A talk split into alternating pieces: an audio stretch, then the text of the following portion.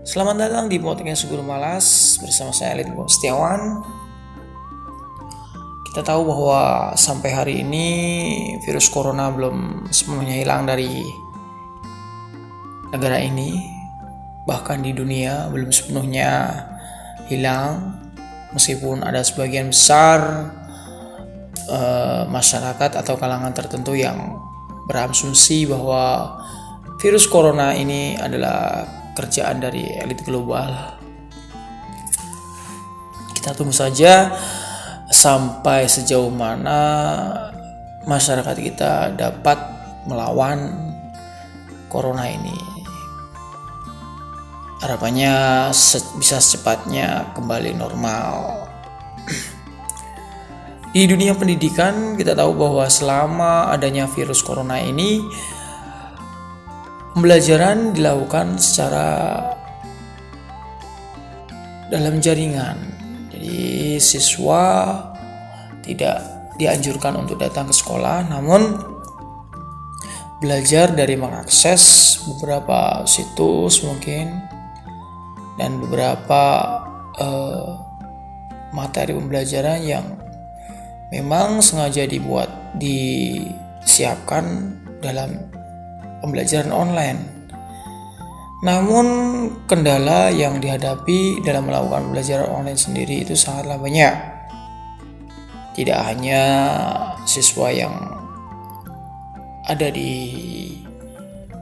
daerah-daerah saja, namun siswa yang berada di kota-kota besar pun saya yakin pasti merasakan adanya kesulitan yang tidak kalah banyaknya.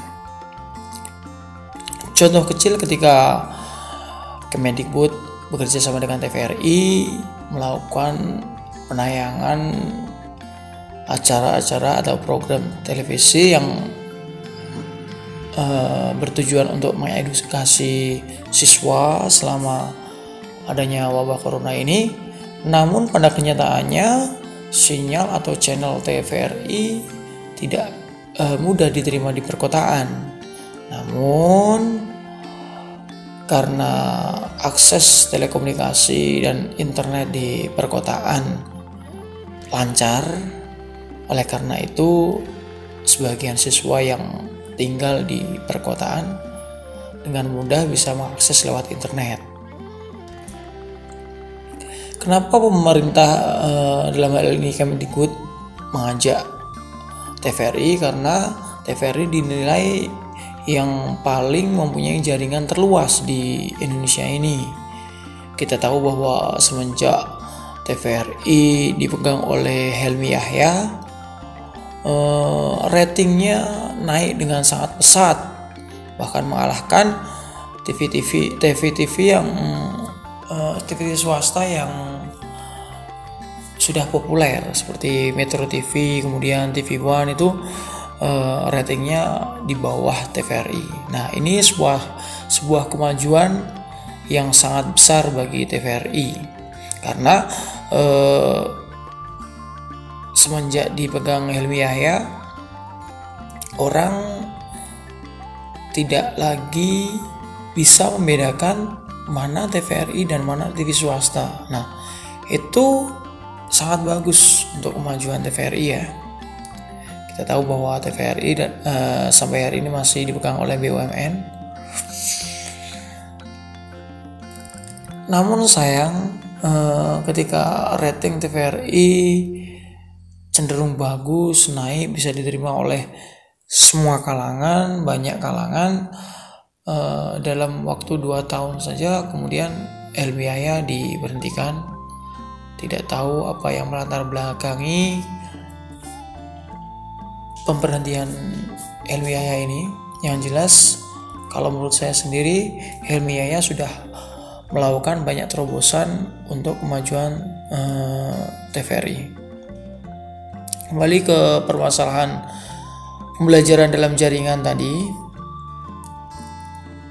kesulitan yang dihadapi oleh sebagian besar siswa ketika melakukan pembelajaran online atau dalam jaringan ini sangat beraneka ragam. Contoh kecil eh, siswa saya yang notabene uh, tinggal di daerah yang memang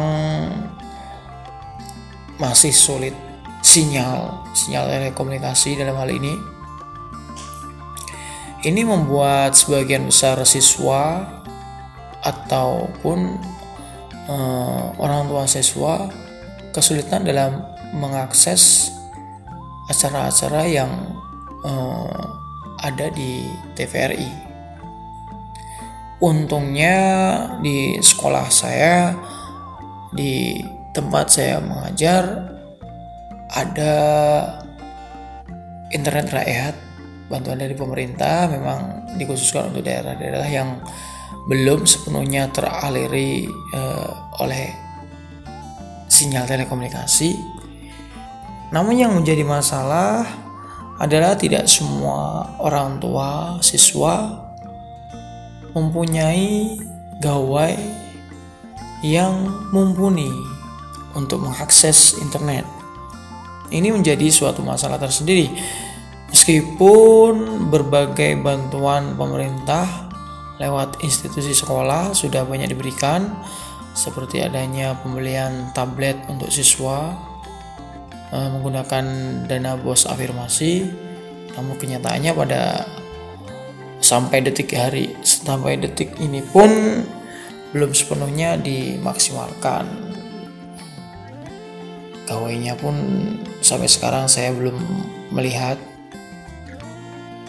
Bahkan padahal dana bos afirmasi itu datang di tahun 2019 ini sudah 2020 sudah masuk bantuan lagi ah itu yang menjadi satu kendala dalam melakukan pembelajaran dalam jaringan kemudian eh, dari sisi guru kita tahu bahwa tidak semua guru eh, familiar atau populer terhadap internet. Belum semua guru saya katakan ya. Uh, jadi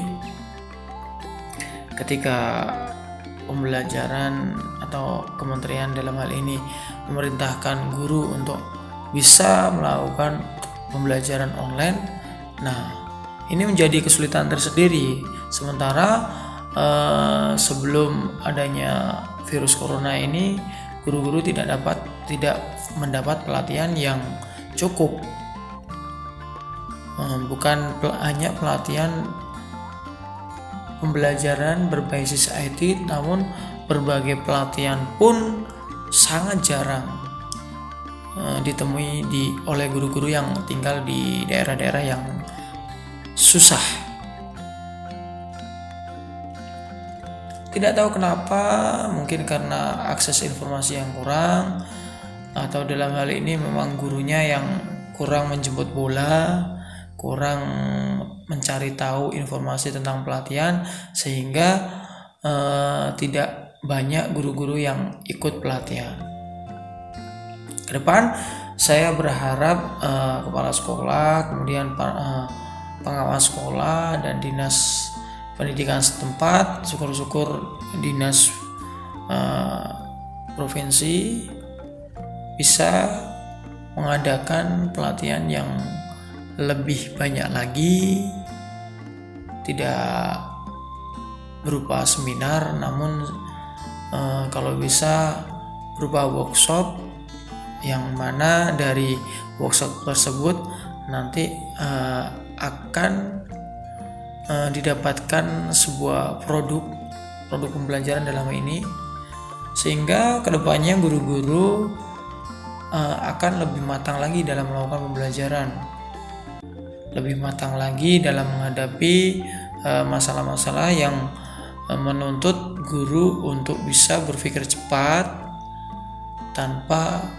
ada kendala uh, masalah teknologi lagi. Ini sangat penting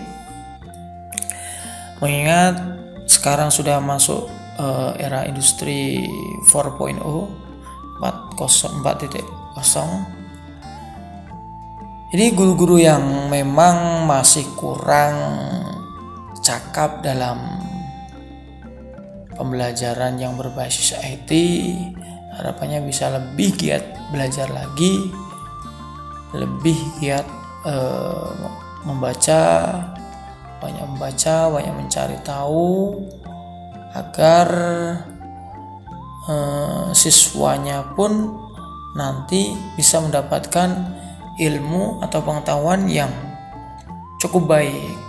Kita tahu bahwa kalau misalnya pendidikan itu kalau gurunya uh, kurang baik besar kemungkinan siswanya pun juga uh, kurang baik outputnya nanti. Nah harapannya dengan adanya berbagai macam pelatihan yang menyasar pada guru nantinya siswa akan mendapatkan keuntungan juga. Dan dari sini pendidikan Indonesia lama-kelamaan akan tumbuh dan berkembang sejajar dengan negara-negara lain yang uh, sudah maju. Itu harapannya. Jadi pada saatnya nanti ketika uh, bonus demografi Indonesia itu tiba kita bisa mengambil alih untuk uh, menjadikan negara Indonesia ini menjadi negara yang besar tidak hanya seperti yang dikatakan oleh guru-guru saya terdahulu bahwa Indonesia itu ibarat sebuah raksasa yang masih tidur. Nah, saya jadi bertanya, kapan raksasa itu bangun?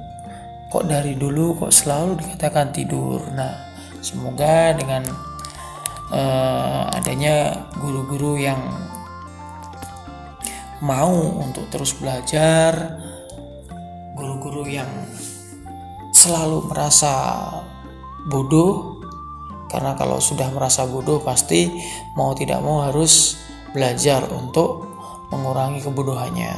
Nah, situ nanti akan muncul uh, siswa-siswa yang baik, yang berpengetahuan, hmm, maju, dan juga berperilaku ya atau berakhlak yang mulia yang akan menjadikan negara ini negara besar dan disegani di kancah internasional. Itu harapan dari segenap masyarakat Indonesia khususnya uh, semua elemen yang terlibat dalam pendidikan. Oke, sampai di sini dulu obrolan kita. Uh, sampai jumpa lagi. Tetap semangat. Salam